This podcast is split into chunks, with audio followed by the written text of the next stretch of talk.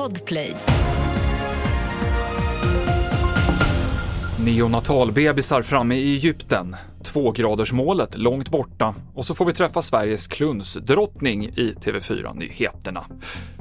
29 av de totalt 31 sjuka och undernärda spädbarnen som igår evakuerades från Al-Shifa-sjukhuset i Gaza City har anlänt till ett sjukhus i Egypten.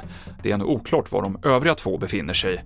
Två för tidigt födda bebisar dog strax efter att elektriciteten slagits ut under Israels operation mot sjukhuset.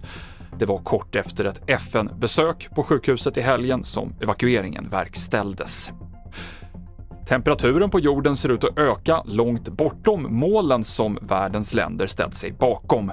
Nuvarande klimatlöften pekar på en uppvärmning på 2,5 till 2,9 grader enligt FN. För att nå 2-gradersmålet måste utsläppen minska med 28 procent till 2030. Det nuvarande året väntas bli det varmaste som hittills uppmätts. Antibiotika till små barn ökar risken för astma och eksem. Det visar en stor studie om barns hälsa som pågår i Västerbotten. Samtidigt reder man ut om det finns samband mellan barnfetma och klämmisar. Eh, det här är ett ganska nytt fenomen, eh, att man ger då eh, klämmisar och särskilt då fruktklämmisar till spädbarn.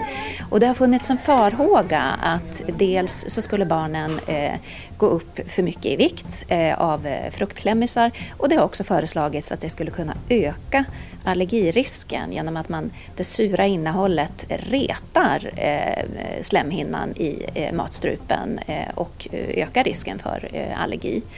Eh, men i vårt material så ser vi inte någon, sådan koppling. Eh, det vill säga fruktklämmisar ökar eh, inte vikten upp till ett och ett halvt års ålder och det finns ingen koppling till allergi. Kristina West, professor i pediatrik.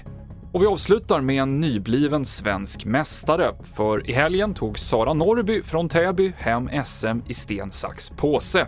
Så här säger hon om hur hon la upp taktiken. Nej, men jag skulle nog säga att eh, mycket är liksom ögonkontakt, eh, läsa kroppsspråk, eh, bjuda lite på en show och eh, liksom eh, känna in sin eh, in motspelare helt enkelt och eh, ja, men psyka lite, fast på ett snällt sätt.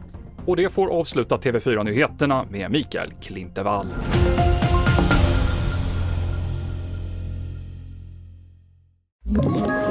Ett poddtips från Podplay. I podden Något Kaiko garanterar östgötarna Brutti och jag, Davva, dig en stor dos skratt. Där följer jag pladask för köttätandet igen. Man är lite som en jävla vampyr. Man har fått lite blodsmak och då måste man ha mer. Udda spaningar, fängslande anekdoter och en och annan arg rant.